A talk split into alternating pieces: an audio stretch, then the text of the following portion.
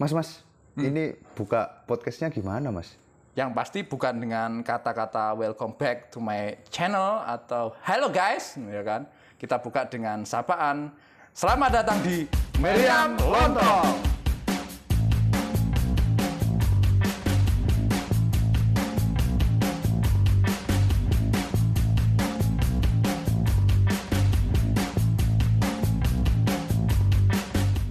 Halo, apa kabarnya jamaah Arsenaliyah yang berada di seluruh dunia?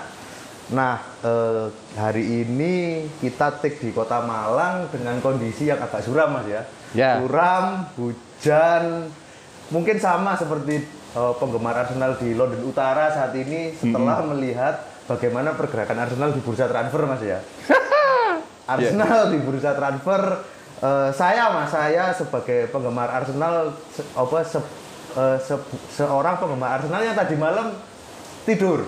Nah, Ya. Mas Yoni ini penggemar Arsenal yang men- menunggu nih deadline sampai benar-benar deadline sampai benar-benar selesai Arsenal ini mau mendatangkan siapa. Nah, Hmm. mungkin nanti akan ada perbedaan pendapat Mas ya. Iya, iya. Eh, Arsenal sesuram cuaca di Kota Malang hari ini, Mas ya. Nah, eh, tadi saya sudah mencatat nih, Mas. Mencatat ternyata Arsenal eh, performanya di bursa transfer ini menjual sekitar 13 pemain menjual dan me- me- apa meminjam Mas ya, meminjamkan 13 pemain dan mendatangkan dua pemain dari MLS. ya, nah, eh, kalau dari Mas Yoni sendiri nih, kita mengawali. iya, iya, iya. eh, Wah, petirnya ini. eh, langsung disambut petir. Nggak boleh ngerekam suara nih kayak. Ini Arsenal performanya seperti MU mas di bursa Januari ini, bursa transfer Januari ini. Padahal dua tim ini sangat membutuhkan suplai pemain untuk memperebutkan posisi 4, terutama posisi Liga Champions mas ya. Hmm. Nah ternyata dua-dua tim baik Arsenal maupun Setan Merah yo ternyata yo zong juga. Nah kalau Mas Yoni, Mas eh, melihat Arsenal di bursa transfer ini kok bikin lemes. Cuman yang nunggu sampai jam 2 pagi gimana Mas? Mungkin boleh disampaikan unek-uneknya. Nah, halo teman-teman jemaah Arsenaliyah. Kebetulan, nggak kebetulan sih ya, seperti yang sudah-sudah setiap tahun. Kalau di hari Imlek tuh pasti hujan. Dan orang Tionghoa menantikan hujan ini karena konon katanya ini memberi rezeki. Ya kan, tapi memang ini kok bertolak belakang dengan Arsenal ya. Nggak dapat rezeki. Ya kan, sial. Sial dalam memperebutkan pemain yang yang yang akhirnya digait klub lain seperti itu. Eh, saya nunggu kemarin Mas Mas Rizal sampai jam 2 terus akhirnya karena kayaknya nggak ada pergerakan ya isinya akun-akun yang nipu itu loh. Yang si ngedit ngedit itu loh. Yang itu ngedit ada? kepalanya diedit terus eh, tu- akun twitternya diedit itu kan wingi anu, kemarin saya lihat yang eh, apa itu akun palsunya Real Sociedad kayak gitu. Akun palsu ternyata bangsat. Saya sudah seneng loh ya. Memang tadi sebelum kita merekam ini kita sudah membahas bahwa kita sama sekali nggak bisa datangkan siapa pun untuk musim dingin ini sih ya Eh, ada dua pemain yang konon katanya berdasarkan situs berita Goal.com. eh, eh, itu dari MLS semuanya ya kan Ya. dari MLS ya kayaknya kok judi, ju- perjudian banget toh eh, mendatangkan pemain MLS itu lah aku kok jadi ingat Pablo Mari. Meskipun Pablo Mari nggak di MLS ya di Liga Brazil tapi kok rasanya itu kita perlu yang pemain Liga Eropa. Setidaknya itu Mas ya yang sudah berpengalaman di Eropa Mas ya. iya jadi Vlahovic yang paling mengecewakan kita berdua ya karena beritanya itu sudah setiap hari loh saat itu ya. Bahkan sudah sering orang itu saking senengnya sampai mengedit kepala itu Saya men-tweet soal Vlahovic itu setidaknya mungkin ada 10 tweet Mas ya. 10 tweet ya 10 tweet soal Vlahovic. dulu tuh saat dua saat 10 tahun yang lalu tuh isu-isu eh, apa itu bursa transfer itu kan masih nggak separah sekarang sampai ngedit kepala gitu toh kepala dipotong ditempelkan di di di poster terus apa itu here we go Dan ternyata ya. Ternyata Herbigio tidak nyampe ke Arsenal Mas. Kita nunggu-nunggu. Ah, jadi jadi gini mas, khusus Vla- Vlahovic mas ya, memang aku ingat banget tulisannya eh, apa itu yang Madipati Seno bahwa sebenarnya sepertinya Vlahovic itu juga ingin menuntaskan lah, eh, menuntaskan visi bersama Fiorentina ya, karena eh, Fiorentina tuh eh, pengen banget diangkat sama Vlahovic supaya bisa naik ya, seperti era yang dulu. Fiorentina kan dulu jaya ya, Ya. tapi memang karena manajemen Fiorentina memang hobi jual pemain memang. Banyak banget pemain yang yang belum lama itu kelihatan matang persis seperti Roma menurutku ya. Akhirnya ya siapa sih yang bisa nolak Juventus, Mas? Siapa yang bisa menolak Juventus? Ya kan? Dan Vlahovic ini menurutku itu Mas Yo, blundernya Edu lah. Blundernya Edu dan manajemen manajemennya Arsenal. Blunder. Hmm. Kenapa kok Gimana blunder? ketika Arsenal itu 100% eh, memusatkan fokusnya terhadap satu pemain dan nggak ada plan B. Dari awal itu aku memang sangat berharap Vlahovic itu ke Arsenal mas karena ketika melihat Vlahovic itu kayak aku melihat eh, Van Persie setidaknya dia bisa eh, menghadirkan Van Persie yang udah hilang di Arsenal kan kita nggak pernah punya lagi pemain bertipikal kayak Van Persie tubuh tinggi body kuat dan Tinggi loh ide ya. ya tinggi banget Cocok jadi ini dia tuh. Jadi pemeran tentara Nazi tuh. tentara Nazi yang jahat. dia apa dia usia 21 tahun tapi posturnya udah ke ibu Van Nistelrooy nah itu loh yang aku sangat seneng kan Ah. Van Nistelrooy kan sangat luar biasa dan posisinya juga luar biasa. Kat- Katanya sampean seneng mending beli halan dengan Lah ya, gitu. kan halannya tiba tidak mungkin Mas Taufik ini masih mungkin lah. Arsenal itu masih mampu. Buktinya kan Arsenal sampai mau menggelontorkan 160 miliar lebih tuh Untuk? Untuk Vlahovic aja. Eh, totalnya itu rinciannya kalau nggak salah buat pembeliannya ke Fiorentina 90 plus pajak bonus agen dan lainnya hampir 160 di atas 150 miliar pound sterling eh euro. Nah tapi kok tampaknya Arsenal itu sama Vlahovic ini di- cuma dijadikan PHP cuma dijadikan buat memancing Juventus agar ngeluarin kocek lebih dalam dan mau segera memberikan transfer.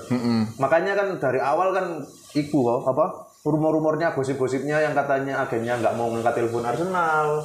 Iya iya iya. Itu karena mungkin agennya itu Iya. permainan agennya. Kayaknya Vlahovic itu ya saya sih nggak tahu apa yang dipikirkan Vlahovic ya. Heeh. tapi sepertinya agennya itu terlalu mempengaruhi. Vlahovic kan masih muda tuh masih labil kan ya. Ya sedangkan agennya itu kayaknya sudah terbiasa kan membujuk-bujuk kan ya. Ya sudah kamu ke Juventus saja tiga champion loh gitu loh.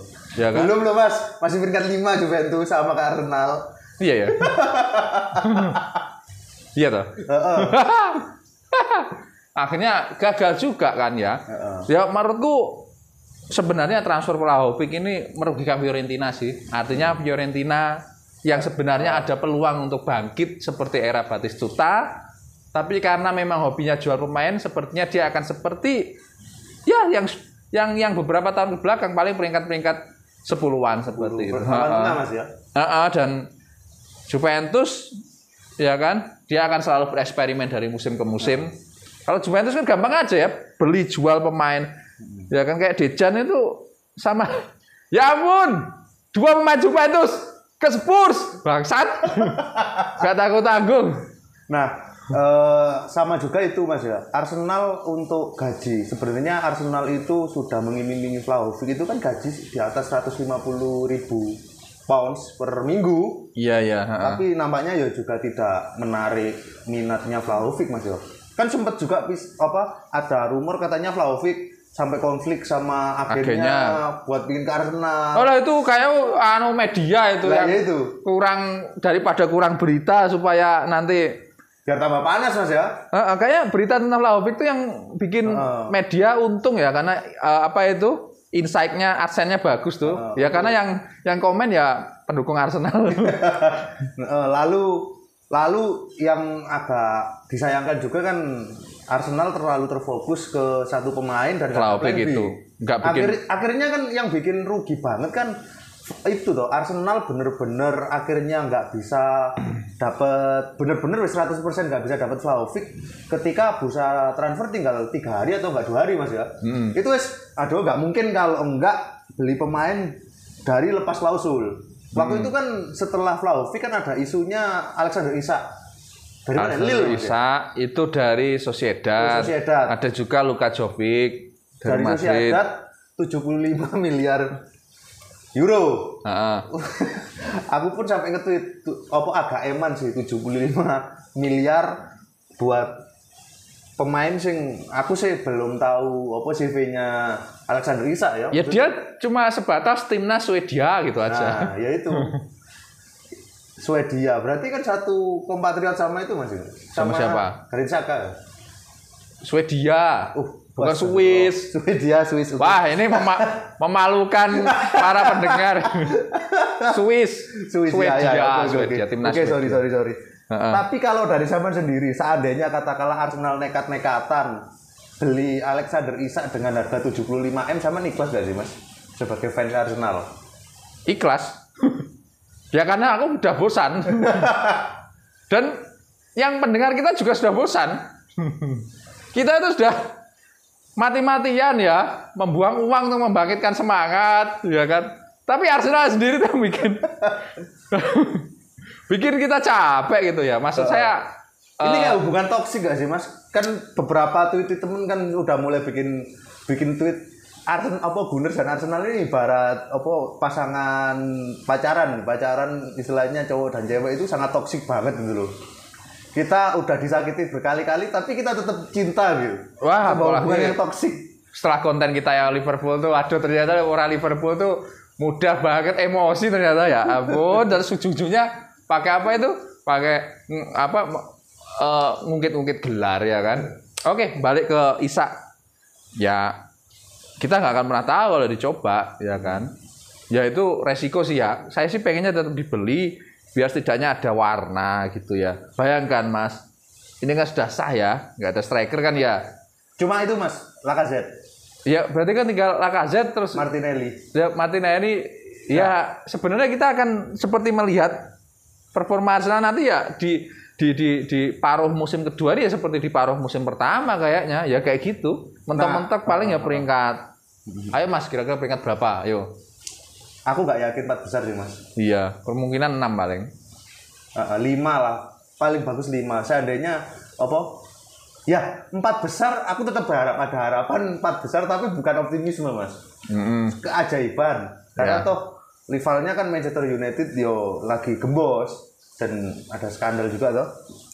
Nah, kita mau keras-keras tuh kak pendukung MU di sebelah sana terus dan anu mas sebutkan mas siapa pemain pemain yang kita yang terkenal dulu minimalnya sudah sudah keluar atau keluarnya itu bisa dibeli atau dipinjam yang yang pasti loan kan yang pertama itu kan mas ya, Niles, A- apa Elton Ma- Maitland Niles. Eman Eman ya eh, karena dia memang diminati sama Jose Mourinho dan emang akhir-akhir ini permainannya bagus mas ketika dia ditaruh di gelandang bertahan.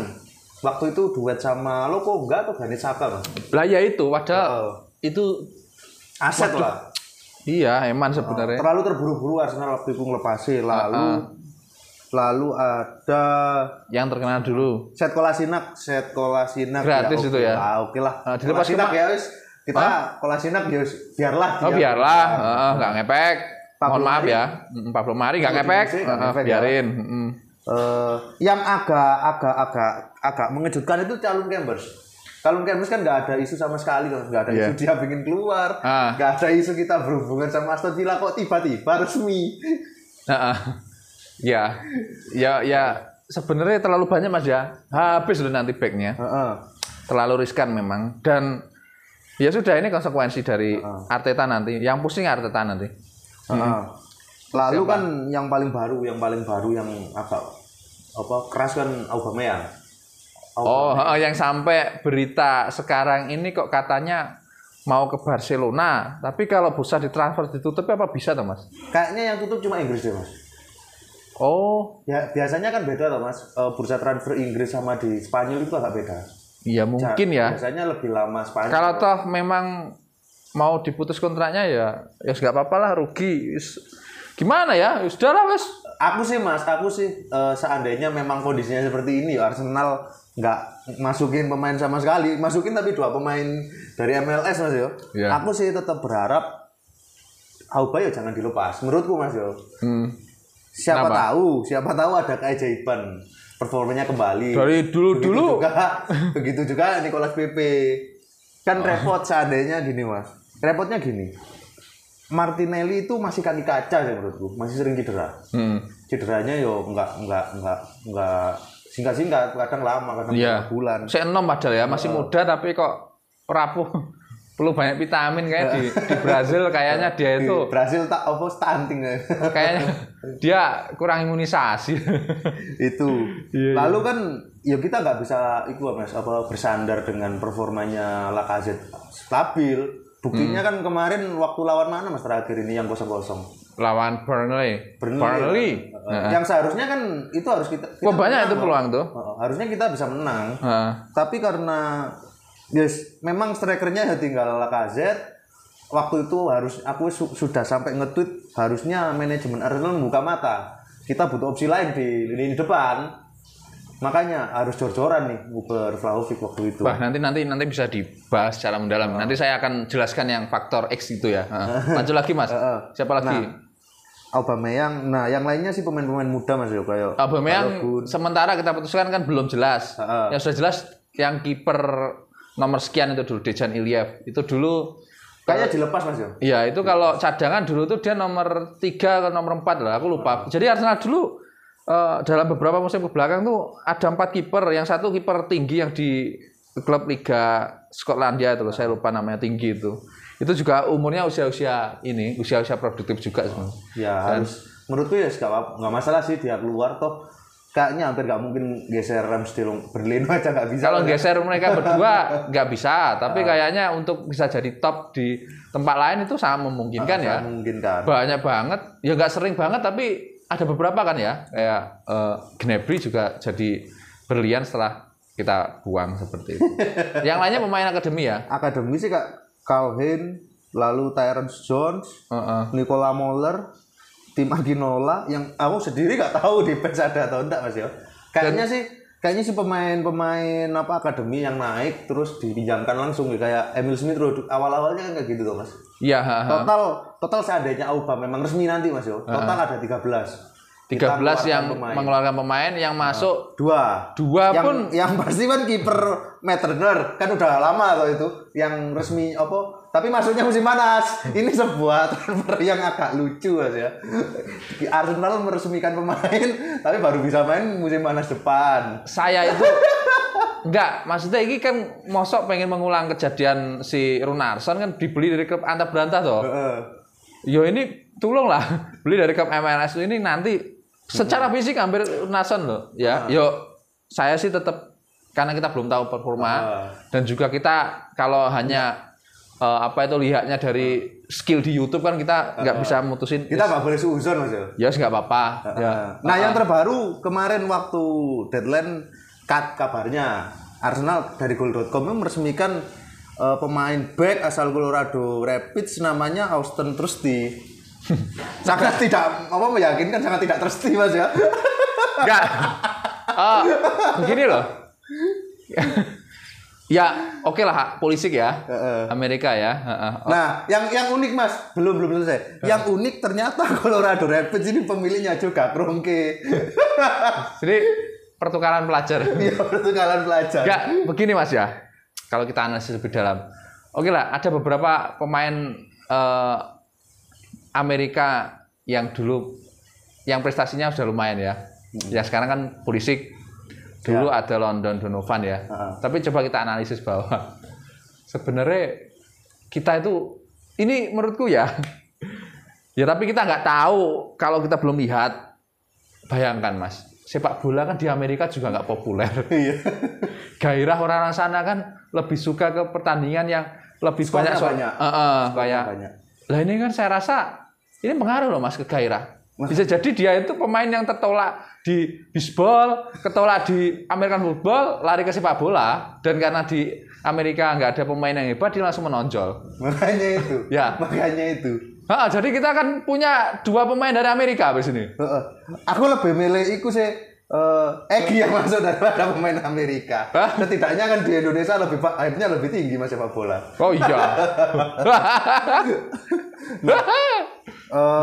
sebenarnya ada peluang mas. Er- asalkan Erick Thohir nggak jadi nyalon presiden, dia Beli Arsenal. Iya. beli Inter aja bisa. Nanti kita masukkan lah si Ramai Rumake atau eh, Ricardo Ka- Kambuaya atau apa Ronaldo Kuateh. Lalu Mas, eh, Lalu mas bahasanya. lalu Mas, eh, selain kita bahas soal eh, pemain yang udah masuk dan keluar, kan Hmm. ada beberapa rumor. Salah satunya kan eh, Bruno Guimares yang kemarin agak rame katanya mau Arsenal malah ke Newcastle. Ah, Bahkan kan sampai itu Mas apa video video nyindir pengenalan. Video pengenalannya kan nyindir, eh, nyindir Arsenal kan dia mengutip berita online yang ada kata-kata yang Arsenal gitu kan ya. Hah, jadi di bursa transfer kemarin tuh banyak kejutan dan ya ya ampun betapa eh, kita tuh kalah bergerak sama klub-klub lain ya. Kalau kita boleh merinci itu mulai dari huruf A beberapa ya. Aston Villa itu kemarin ada Coutinho, Ha-ha. ada Campers Oh juga iya, ya. kita kalah sama Aston Villa yang dapat Coutinho ya. Kita bertahun-tahun loh. kita Drama bertahun-tahun ngincer Coutinho. langsung ngegolin kan? Iya. Heeh, iya kan? Ya terlepas tapi, dari tapi kalau Coutinho kita butuh nggak sih mas? Soalnya kita kan udah punya dua pemain sing berposisi yang sama. Ah. Eh, Odegaard sama si- sekarang masalahnya bukan butuh nggak butuh, setidaknya minimal ada pemain baru gitu loh mas. Heeh, jadi kalau sekarang itu kriterianya adalah ada pemain masuk atau nggak masuk kan kita kalah Oh, sama iya, ah. ya kan. Habis itu eh, New, New- eh, Newcastle kan kemarin ada Trippier ya. Kita kalah juga sama Saya tahu dipotong Oh, terus. Saya urutkan ya A, B, C, Van de Beek. eh, eh, MU kemarin ngelepas Van de Beek. Ke Everton, Everton. Everton kan gini, dia pelatihnya ganti Lampard. Kemudian ada beli Dele Ali ya. Aku seneng loh dulu Dele Ali. Ya, mesti- Aku gak suka Dele karena udah hina Arsenal sih mas. Oh. Pernah kan dia bikin statement mending Oh, gitu. daripada ke Arsenal. Oh begitu. Oh berarti aku nggak jadi senang. ada Van de Beek, ada Dele Ali, ya lumayan lah ya. Habis itu Newcastle juga Beli jodoran sih menurut sudah kelihatan dia kalau dia hmm, Sultan? duitnya sudah banyak ya. Artinya dia pengen minimal target musim ini kan dia nggak degradasi. degradasi ya. Jadi pembelian Bruno itu bagus. Bagus sih menurutku. Ah, ah. Dia kan dapat selain Bruno dapat siapa sih mas? Bagus-bagus ada menurutku saya, saya ingatku. Ya Trippier, Trippier, itu. Trippier, Trippier, Trippier itu kan ya ya Spurs lagi sih yang Erikson kan kembali katanya mas. Hah? Erikson. Kena- kenapa? Erikson balik ke Liga Inggris. Enggak, dia ke Liga Belanda. Oh Liga Belanda, oh iya sih. Mm-mm. Heeh, heeh. Dia ke Liga Belanda, sependek yang saya ingat kemarin di salah satu tweet. Ah, Eh, mohon maaf kalau salah ya. Nanti kita cross check. Eh, saya, saya, saya, saya, saya. Habis itu saya sih nggak nggak nggak begitu aktif ya dia. Enggak, enggak. MU Chelsea pun udah komplit sih menurutku mas. MU sibuk ngurusi Greenwood, ngurusi ke pengadilan, ngurusi ke kepolisian. Yang lain sih bursa transfer dia sibuk sama polisi mas. ya. Heeh. ya, ya selamat berjuang MU. Eh, Liverpool satu main ya back sayap. Eh, lu Dias. Sama Dias. Striker sing lumayan bagus sih. Siapa? Luis Dias. Dia striker apa back sayap? Back saya apa striker sih mas? Sependek yang saya tahu back back sayap. Back saya ya. Sependek yang saya tahu. Ya kalau salah ya nggak apa-apa. Yang penting pemain baru kan ya. Ah. Eh, toh ya ngapain terlalu peduli sama Liverpool ya? Ah, makanya itu. Yang cuma bisa ngungkit gelar aja ya. Kami klub besar. Iya kan? Kayaknya Luis Dias striker deh mas. Soalnya dia iku prospek ganti Mane. Masa? Iya mas, Mane kan agak drop toh. Dia juga kayaknya mau ke Madrid. Nah itu itu buat cadangannya si Sadio Mane seandainya memang dia nanti musim panas ke Oh Madrid. iya. Iya mas, bener mas. eh, ke Madrid akhirnya nggak ada opsi. Akhirnya ya ya wis kan kita tahu Liverpool nggak mau toh apa naikin gaji pemain andalannya. oh, semua masalah apa ditelantarin no. Aha. Ini ini wah ini agak repot kalau saya cari di internet itu. Ya, bayangkan saya ngetik posisi Luis Diaz ya. Yang keluar yang di atas ada yang penyerang, gelandang, ada juga sayap kiri, entah sayap kiri itu back atau apa. Tapi eh enggak enggak. Karena ngapain sih juga Oh, iya ngapain ngurus Liverpool? Liverpool ya ngurus klub sendiri aja pusing. Tapi kalau dari sampean Mas, waktu awal-awal bursa transfer kan kita sudah berekspektasi banyak ya. Hmm. Sampean itu waktu itu berharapnya Arsenal datangin minimal berapa pemain Mas dan di posisi apa saja? Aku dulu berharap itu striker satu sama Sek, sek, sek, tak ingat-ingat lagi ya. Apa sih yang kita rapuh kemarin tuh? Gelandang bertahan. Ah, satu striker, satu gelandang bertahan, sama cadangan Back. back. Heeh. Ya meskipun ada banyak back, tapi back Eh, back kita yo, wah semua ya. Ya, jadi saat itu aku mikir gitu. Nah, coba Mas kita analisis ini pakai faktor X ya. Memang sepertinya di internal manajemen itu ada eh, sekelompok orang yang dia tuh duduk di kursi VIP ya. Dan dia itu visinya itu visinya itu nggak jelas itu. Bisa jadi dia itu eh, Hai doang Hanya- Arsenal. Enggak, hanya hanya pengen dapat. Kalau secara bisnis kan Arsenal lumayan ya. Kalau untuk klub terkaya atau apa kan kita masih katakanlah masih 10 Di besar sebenarnya ah, saya 10 tahu. besar. Ah. jadi secara finansial orang-orang ini sudah ini. Jadi ada beberapa orang ini yang dia itu eh, nggak punya visi ke depan, jadi Di zona hanya nyaman gitu Mas ya. Eh, jadi hanya ingin sekedar eh, apa itu menghisap finansial ya kan? Dan nggak pernah mikir bahwa eh, kita sudah begitu ketinggalan gitu loh ya. Kadang permasalahannya kan bukan karena ada uang atau tidak ada uang tapi reputasi klub ini loh ya. Jadi faktor pemain pindah kan saya rasa selain tawaran gaji kan juga eh, reputasi dari klub itu toh prospek dari klub Prospek itu sendiri depan, ya. oh. jadi ketika manajemen itu ini kita dulu sudah pernah bahas itu jadi manajemen itu belum eh, sevisi eh, bahwa selain tujuan yang pertama bahwa pemain sehat sudah tercapai keuangan sudah lancar yang ketiga adalah gimana menyatukan eh, visi supaya kita itu bisa tetap bersaing, bisa bersaing ya. Eh, eh, harus buka mata dan sepertinya kan mereka bukan orang goblok juga ya. Eh, orang Inggris SDM-nya Harusnya iku Mas yo, Udah, atas lah. dan negara yang men- negara penjajah yang luas wilayah jajahannya terluas di dunia kan ya Inggris itu toh. Benar. Pasti pinter ya mereka ya. Ah, harusnya sih. Meskipun belum tentu pengurus Arsenal itu juga warga negara Inggris ya. Eh, jadi itu sih mas, manajemennya kayaknya nggak sesimpel yang kita kira bahwa eh, Edo yang kelihatannya main apa barbecue dan sebagainya, dia kan sadar Hammer. Nah, itu Mas minum Hammer itu. No, oh. Bikin Arsenal 15 tahun terpuruk itu. minum hammer, ya kan, perbuatan yang dilarang Tuhan. Heeh. Eh, di 10 perintah Tuhan kan nggak boleh minum Iya. hammer ya. Makanya Hmm. kan matanya kan lek zaman apa kan ada tuh fotonya lek zaman zoom matanya kan agak sayu-sayu. Akhirnya nggak bisa mikir sih lebih. nggak bisa mikir jernih ya kan? Akhirnya mungkin saat negosiasi itu ngelantur. Aku setuju mungkin sama sampean, tapi waktu itu aku lebih ke prefer sa- mending Arsenal dapat dua pemain dulu yaitu striker sama gelandang bertahan. Heeh. Karena striker kita kita tahu uh, Aubameyang sudah tidak bisa diharapkan dan Lacazette Laka juga belum belum turun. naik turun. Sedangkan- kalau gelandang bertahan kenapa mas? Uh, kalau gelandang bertahan karena awalnya sih aku agak safe ketika Granit Xhaka ketika comeback mainnya lumayan loh mas ya.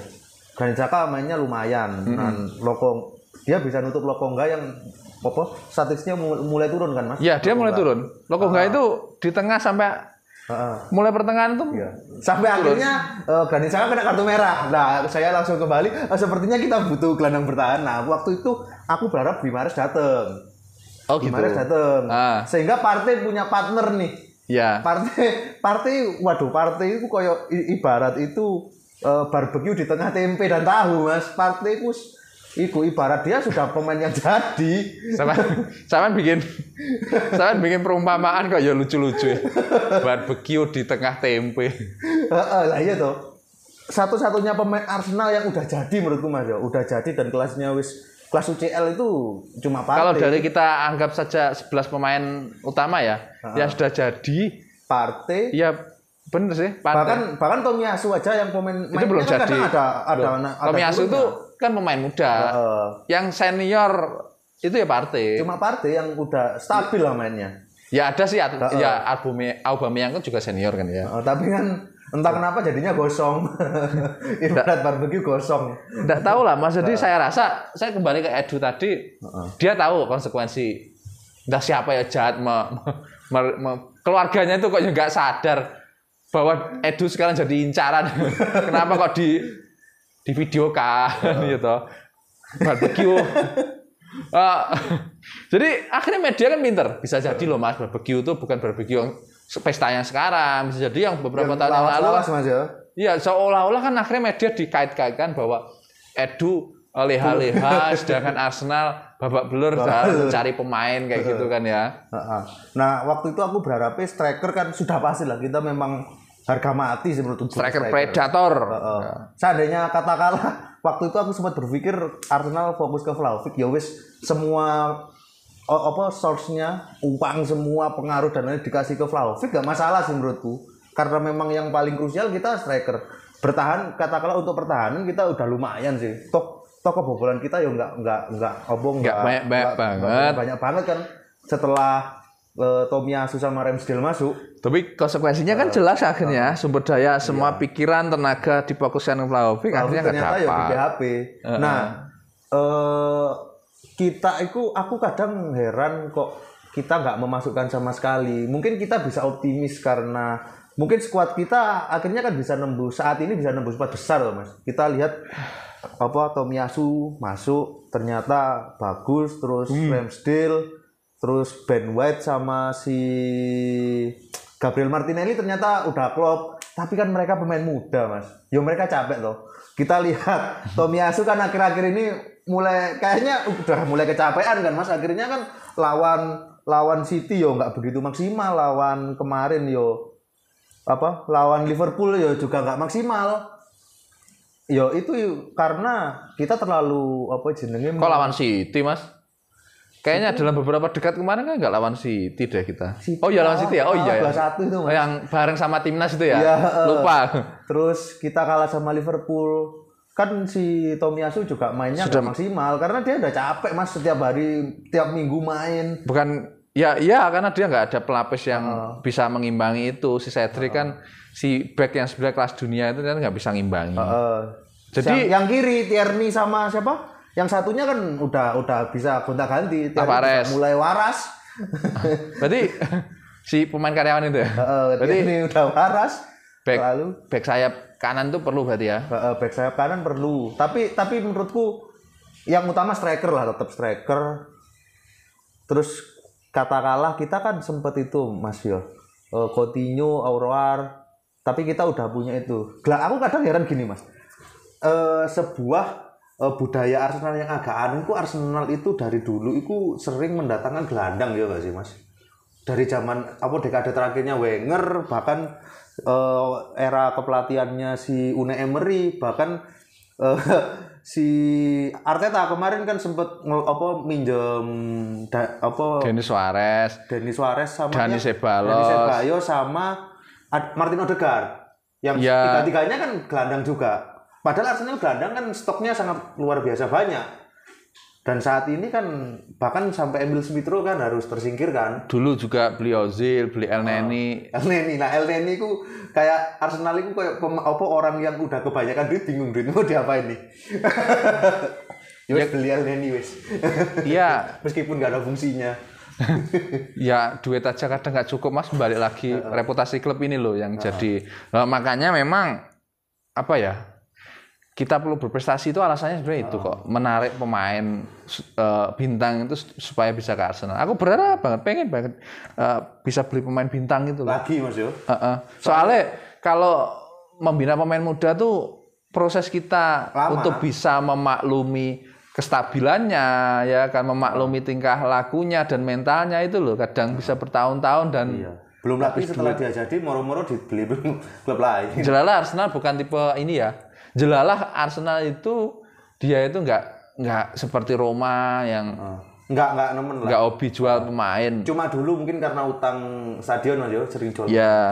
Tapi akhir-akhir ini se- setelah finansialnya stabil tuh Arsenal jualnya pemain sih nggak berguna yo. Hmm, jadi untuk apa paruh paruh kedua ini sepertinya eh, permainannya mirip di paruh pertama karena struktur susunan pemainnya sama malah malah, perubahan Mas yo. malah berkurang. Nah, toh dua pemain yang masuk pun kayaknya juga Austin Trusty ini jadi kiper ketiga.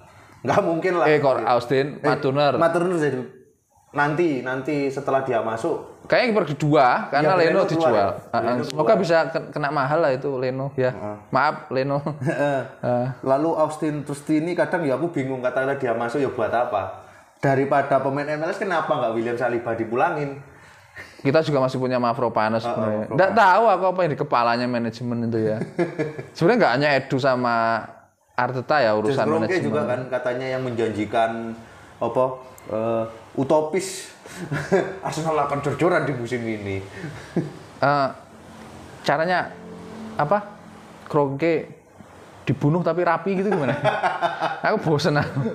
Sampai itu mas, pemiliknya Ar- Arsenal kan kemarin sempat katanya mau dibeli pemiliknya Spotify, akhirnya yo ikut sponsori Barcelona.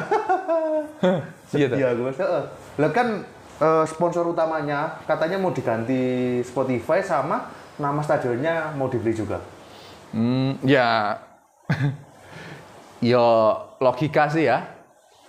Si Daniel ya, Eh, ya mending ke Barcelona. Meskipun Barcelona sekarang memang nggak seperti dulu. Tapi loh, bayangkan, meskipun sudah eh, terluka parah ya Barcelona ya oleh banyak ini, dia bisa beri Ferran Torres. dia bisa memulangkan Adama Traore. bahkan dia punya itu rumor Aubameyang juga ya. Heeh, jadi Arsenal itu sebenarnya klub yang baik-baik saja secara finansial, ya klub yang enggak apa kena sanksi-sanksi aneh-aneh itu, ya kan. Klub yang berada di jalur yang tepat, ikut aturan federasi, ya kan. Enggak neko-neko dalam memainkan anggaran transfer, ya kan. Tapi ya kembali lagi bahwa prestasi yang kurang bagus lah paling ya prestasi yang nggak banyak eh, kompetitifnya nggak ada apa ya bahasanya ya kayak semangat untuk bersaingnya kurang sehingga pemain-pemain itu dan investor pun mau berurusan sama Arsenal kok malah Lalu, investor mau urusan sama manajemen kayaknya malas dengan birokrasi kayak kayak ada beberapa orang tua di, Di Arsenal ya? Heeh, ya. Padahal Arsenal terkenal dengan pemain-pemain muda, tapi manajemennya kayaknya ada beberapa orang yang kolot mas ya. Lah karena yang disorot media dari dulu kalau kan di lapangan hijaunya, enggak yang di stafnya. Iya. Bisa jadi stafnya isinya orang-orang konservatif semua. Lalu ada satu lagi mas yang kita lupa bahas satu nama, Jack Wilshere. Jack Wilshere kan Oh, akhir-akhir ini sering latihan dengan Arsenal dan bahkan ikut juga ke Dubai buat latihan oh mas. ya, eh, kita ngapain sih ke Dubai? Latihan, latihan. Kenapa harus ke Dubai? Oh Nggak iya, tahu, sponsor ya. Mungkin ngikuti Ronaldo? Nggak mungkin. Kita nggak tahu. Ronaldo kan ke Dubai juga toh. Oh. Nah. Dubai, Dubai itu, sek mas, Heeh. Dubai itu mayoritas Islam. Aku nggak bisa ngomong mas yo. Hah? Beberapa orang Islam juga nggak suka Dubai. Oh gitu toh.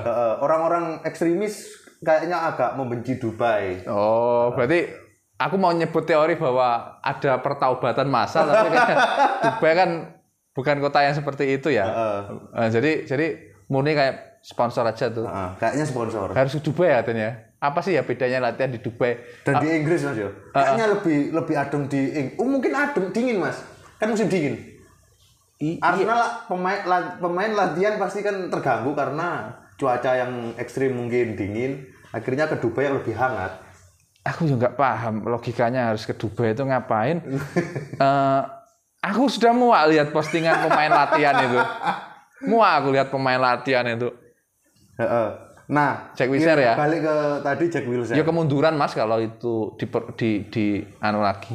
Bagi tapi tapi gini mas, eh dengan kondisi Arsenal nggak mendatangkan satu pemain pun setidaknya mendatangkan gitu loh. Toh Jack Wilshere juga gratis dan seandainya gajinya mau dinego kan mungkin bisa diturunkan dari sebelumnya toh. Aduh mas, mas. Aku sih tipikal orang gini mas, aku ku percaya eh, perbuatan baik akan menghasilkan baik. Kita menyelamatkan karir seorang pemain mungkin eh, Tuhan akan tergerak untuk untuk apa menggeser nasib Arsenal gitu loh mas. Ya ampun, kok hina ya begini. kok hina banget ya sampai akhirnya Wilshere yang di. Setidaknya menurutku Wilshere eh, sebagai pelapisnya si Odegaard bisa lah. Ketika ketika buat itu ya FA nggak mungkin tuh kita FA pemain-pemain kita yang main tuh FA udah nggak lolos yo. FA udah nggak lolos, Karabo ya nggak lolos. FA padahal sudah pakai jersey spesial loh. Nomor red loh. Kok malah udah kan, heeh. habis kita. Jadi tinggal Tinggal Liga Inggris Yo. ah, jadi terserah mau pastinya konsekuensinya salah satunya memang di dirundung gitu nah, dibully nanti sama. Tapi nggak apa-apa lah. Nggak terserah manajemen wes. Oh. Oh, kita itu kita itu kita bukan siapa-siapa. Ya, terserah mereka lah. Tak pikir-pikir juga hidup ini kalau dihabiskan ngurusi itu ya capek. Ya kan? Mending mikir yang lain yang menghasilkan Mas ya. Me- me- men- mencari uang, eh, kemudian beranak pinak. Berarti menurut zaman ini wheelchair ide buruk Mas Yo. Menurut saya iya, tapi saya kalau ngomong gitu akan mengingkari kalimat saya di awal bahwa semuanya itu harus dicoba. ya. Udah Tapi gitu. kayaknya udah enggak toh Mas Yo. Udah udah tutup juga toh bursa transfer dan Ya. ternyata nggak dikontrak. Nah, kesimpulannya? Nah, heeh. Nah, nah apa? Masih ada tuh? terakhir Mas. Oh, terakhir, terakhir. terakhir. Dengan Arsenal skuad yang sama, yang Ya. artinya pelapisnya juga kurang karena banyak yang dibuang. Arsenal berapa beberapa pertandingan lagi tuh Mas? Udah mungkin mungkin sekitar 10 atau 12 pertandingan lagi. Eh, Ya, masih- sampai akhir musim sampean memprediksi Arsenal apakah mampu di empat besar atau bakal terbuang 19, 19. Eh, masih ada sekitar 15-an pertandingan paling atau 19. Ha, Pertanyaannya apa tadi? Aku ngitung. Eh, Arsenal apakah akan struggle di empat besar untuk targetnya kan cuma Liga Champions Mas sekarang Oh, aku punya teori yang menarik. Dia bisa nanti kemungkinan merebut peringkat 4. Eh, pemain dari akademi itu bisa langsung main gitu aja nggak? Bisa jadi loh ya. Patino langsung bagus. Dan siapa tahu ada lagi eh, pemain the akademi new Granit apa Saka the new the Iya. new Bukayo Saka me- apa ya memberikan kontrak profesional pemain akademi di tengah jalan itu boleh nggak langsung main gitu? Kalau boleh, ya boleh kayaknya Mas Lah, masalah dia buktinya buktinya siapa Eh, Arsenal lawan siapa yang kena Covid semua yang turun kan U21 nya bisa kayaknya Waduh, ini kalau kena COVID habis semua. oh iya ya Covid kita tidak memprediksi Covid Iya. Wah. wow, wow, wow, wow. Dan sedangkan kita sekarang lagi di eh, di mana? Di Dubai Ah. makan-makan. Si Obama yang kena Covid di Dubai. Ya, SSB. ya, apa sampai nggak bisa berkata-kata mas ya? jadi, jadi sampai jumpa lagi di Meriam. Lontong.